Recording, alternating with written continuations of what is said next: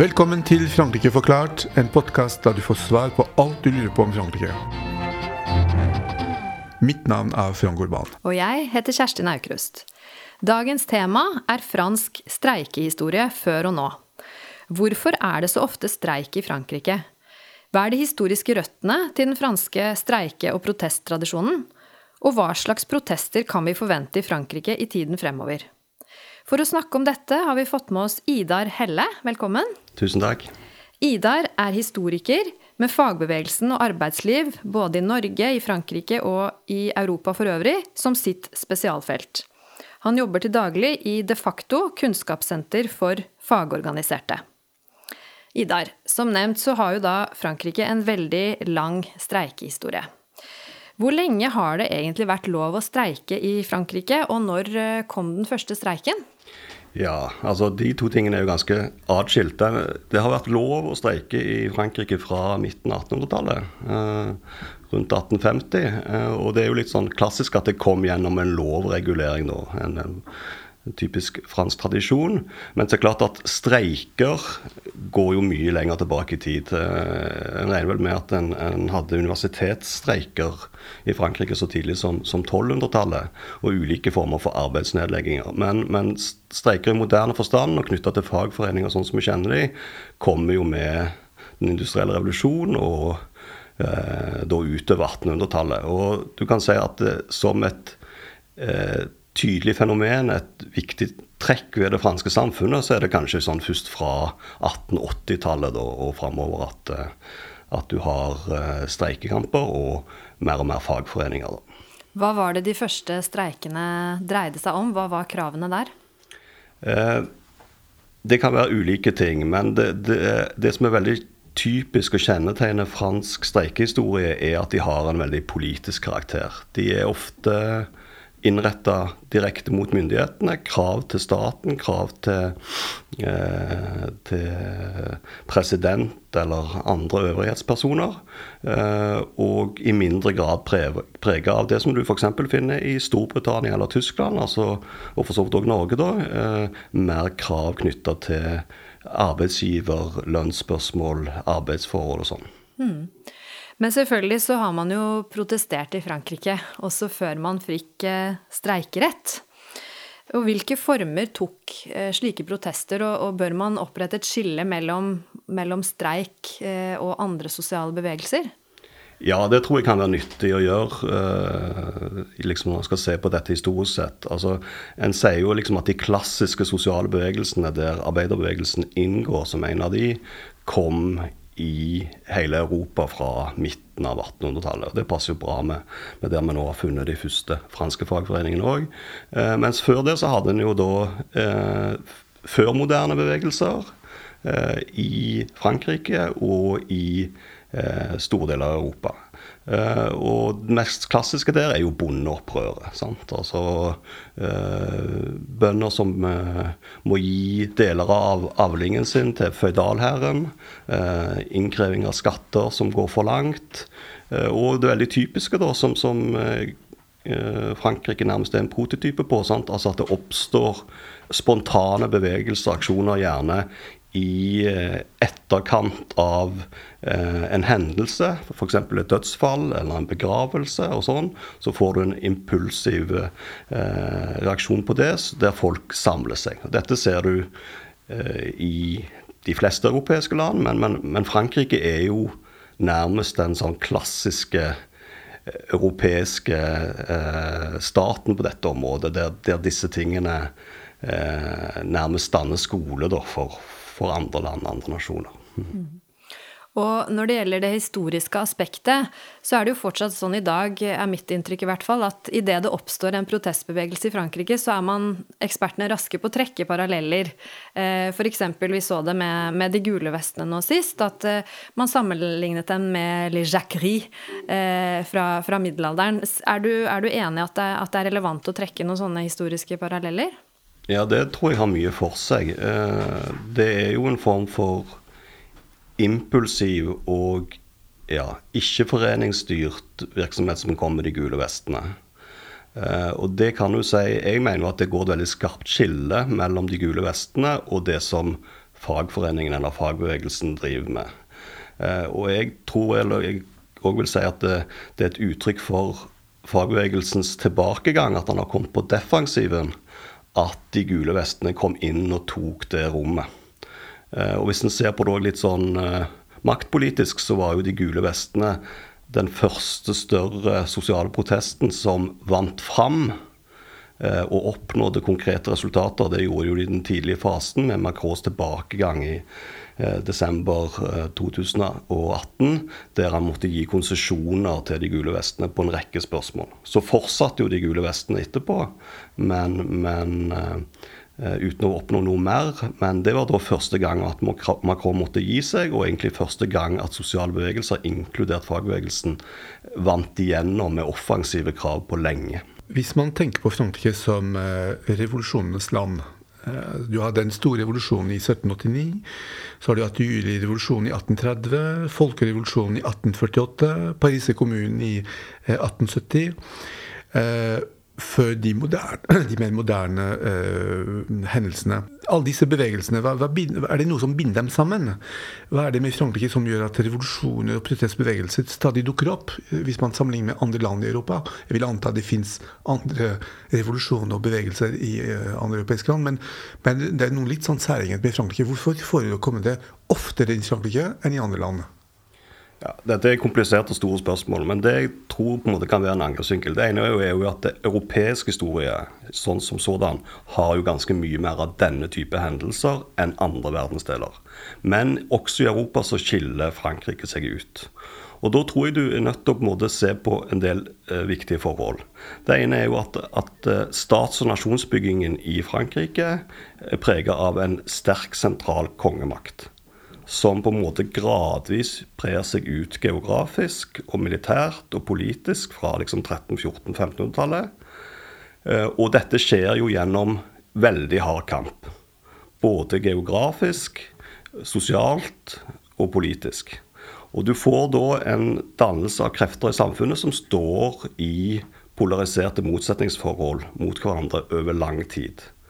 Eh, og så styres det med hard hånd. altså Lancien-regime var jo et veldig autoritært og et veldig mektig maktsystem, som da kommer opp i en situasjon der de ikke klarer å håndtere dette lenger, og blir velta gjennom først én revolusjon, og så mindre revolusjoner mot kongedømmene som da kommer etterpå. Men hvis jeg skjønner det riktig, så er det den autoritære tradisjonen i maktpraksisen som er mye av skylden for eh, noen av disse bevegelsene? Ja, jeg vil peke på det som en ganske viktig årsak. Og så har du òg i Frankrike utvikla en veldig sterk kultur for motstand mot dette. Hvis vi ser litt på nyere tid, eh, kan du beskrive den tradisjonelle streikkulturen i Frankrike, f.eks. på 1960-tallet og 1970-tallet? Altså, da fantes det mektige franske fagforeninger. ikke sant? Eh, de kunne bygge opp et maktforhold med myndighetene, og de kunne tvinge dem til forhandlinger. Eh, hvordan hang systemet sammen da? Var det ikke slik at, at man i 1968 at det var fagforeninger, at det var makten og fagforeningene som til sammen fant en vei ut av krisen ved å inngå et kompromiss? Jo, det kan du si. Men samtidig så er det viktig å huske på at 1968 kom jo som et sjokk. Eh, som et veritabel på en måte overraskelse på nærmest alle aktørene. Og fagbevegelsen var jo satt ut av spill og hadde nærmest ikke noen eh, rolle i dette i de tidlige protestene til studentene. Eh, men så, da, i midten av mai, så eh, bestemte CGT og flere av de andre da, store eh, konføderasjonene at de skulle gå inn i konflikten mot president de Gaulle.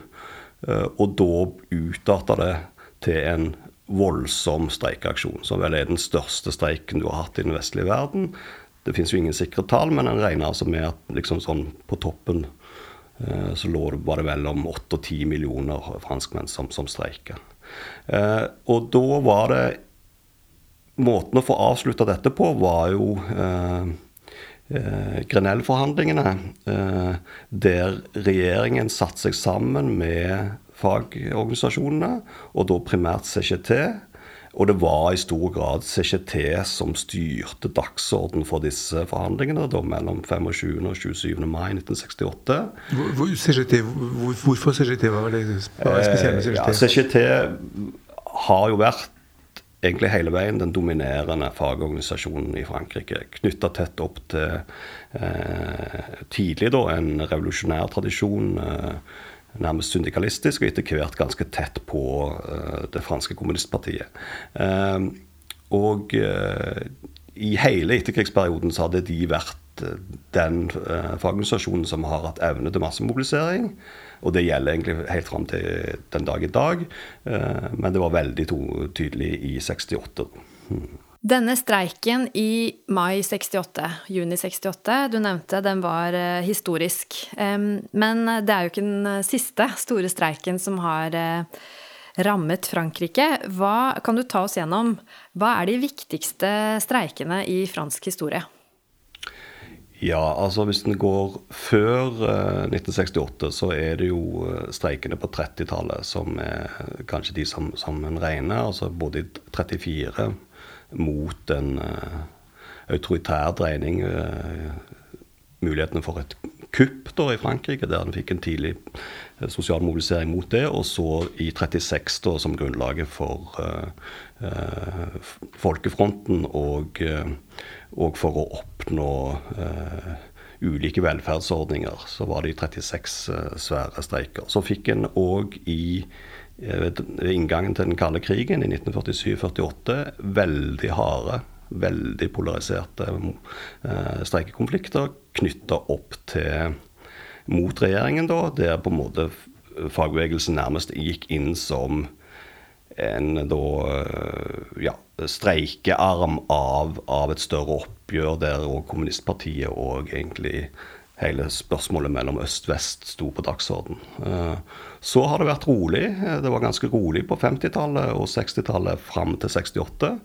Eh, og så er det litt det òg, sånn som en kanskje ikke tenker så mye over. altså Også i nyere tid så har det vært ganske rolig i periodene, særlig der sosialistpartiet har hatt presidentmakten. Så etter at det hadde vært ganske mindre av de virkelig store demonstrasjonene i, eh, fra midten, slutten av 70-tallet og helt fram til 95.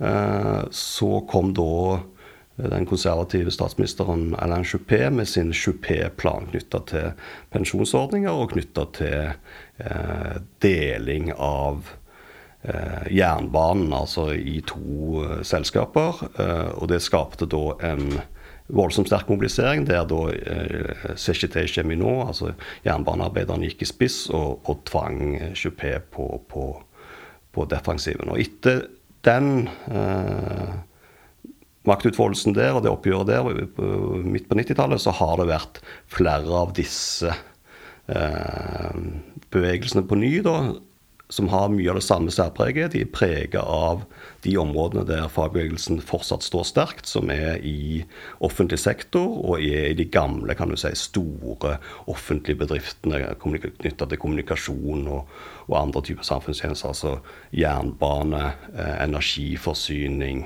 eh, sykehus, utdanning osv. Det er jo på en måte de bastionene som fransk fagbevegelse har igjen. Eh, der har de kanskje mellom 20 og 50% fagorganiserte, mens det da i privat sektor er 5-6% og i mindre bedrifter i, i, i, privat sektor så er du helt nede i 2-3% fagorganiserte. Så det er jo altså sånn For å på en måte få hele bildet, så må en se hvor komplekst og ulikt, kan du si, situasjonen er for vanlige franske arbeidstakere. Hvor de er henne i arbeidslivet i forhold til om fagbevegelsen og streikeaksjoner i det hele tatt har noen rolle. Jeg vil jo si at for 80% av franske arbeidstakere i dag så er streik nærmest en umulighet. altså. Umulighet ja. Eh, fordi de ikke Det, det finnes ikke fagforeninger å organisere seg i mange steder. Og presset da på eh, For en vanlig fransk lønnstaker i dag å gå ut i en streikekonflikt. De har jo ikke streikefond sånn som i Norge. Det betyr at fra dag én så betaler du alle utgiftene ved å stå uten lønn sjøl. Og Det betyr jo at mange av de oppgjørene som har kommet fra 95 og framover, har jo handla om at de fagforeningene der det er streikemakt fortsatt, de tar på en måte konflikten på vegne av alle. Sant? I forhold til eh, pensjonsordninger, i forhold til velferdskutt og sånn, så er det da disse sterke bastionene, særlig knytta til CGT, som på en måte tar streikekampen eh, på vegne av alle arbeidstakere. Det betyr òg at disse kampene er jo ofte veldig populære. De har ofte veldig sterk støtte i den franske befolkningen. Selv om det da er et lite mindretall som streiker, og ganske få òg som er fagorganiserte. Jeg vil gjerne komme tilbake til et punkt. Du nevnte uh, at, uh, at, veldig få franskmenn er fagorganisert i dag. og det er jo ganske utrolig å tenke på at, det kan ha skjedd, at dette skjedde hvis man ser på situasjonen i andre europeiske land hvor deltakelsen i fagorganisasjoner er mye høyere. Hva er det som har skjedd? Hvordan, hvorfor gikk den andelen så mye ned?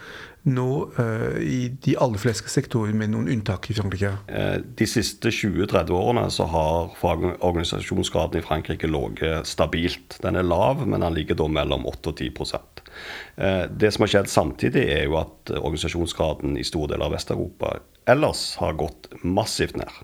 Altså I to viktige land som Tyskland og Nederland så er det i dag bare halvparten så mange som er fagorganisert som det var for 20 år siden. Altså Det har falt fra midten av 30-tallet til sånn 17-18% Så ligger Frankrike lavere, og de har egentlig ligget lavt alltid. Det har aldri vært en virkelig høy organisasjonsgrad i Frankrike. Typisk nok så har han da kommet, fordi som jeg har vært inne på, så har dette et veldig sånn politisk konjunkturpreg i Frankrike. Periodene prega av høy organisasjonsgrad i Frankrike er liksom med Front Populær da, i eh, i 36-37 eh, så er det rett etter eh, krigen, 44-45. Og så er det òg en ny boost etter 68, fra 68 og fram til Og det er kanskje den lengste perioden du har. altså fra fra 1968 og fram til ca. 1980 så har du en forholdsvis høy organisasjonsgrad i Frankrike på et par og 20 men den har ikke vært høyere enn det. Eh, jeg tror at dette har med det vi var inne på tidligere i, og snakket om, altså polariseringen i det franske samfunnet. altså kamptradisjoner som står på begge sider. En, en, ofte en autoritær stat og uh, kampvillige og ganske radikale da, uh, fagorganisasjoner som er villige til å ta virkemidler i bruk, som jo er helt ukjente for oss i, i Norden. Uh, og så er det andre som er veldig viktig å få tak i, at splittelsen i den franske fagbevegelsen har vært der fra starten av. Men den har jo òg blitt drevet fram. altså Spillet om den franske fagbevegelsen og det franske arbeidslivet ved inngangen til den kalde krigen Eh, betydde jo at du fikk en oppsplitting der CKT da ble utfordra først av én, og så gradvis to og tre andre organisasjoner. Eh, og det førte til, og har ført til, en voldsom indre kamp da, mellom om medlemmer, om bedriftene, om sektorene osv., som gjelder helt fram til den dag i dag.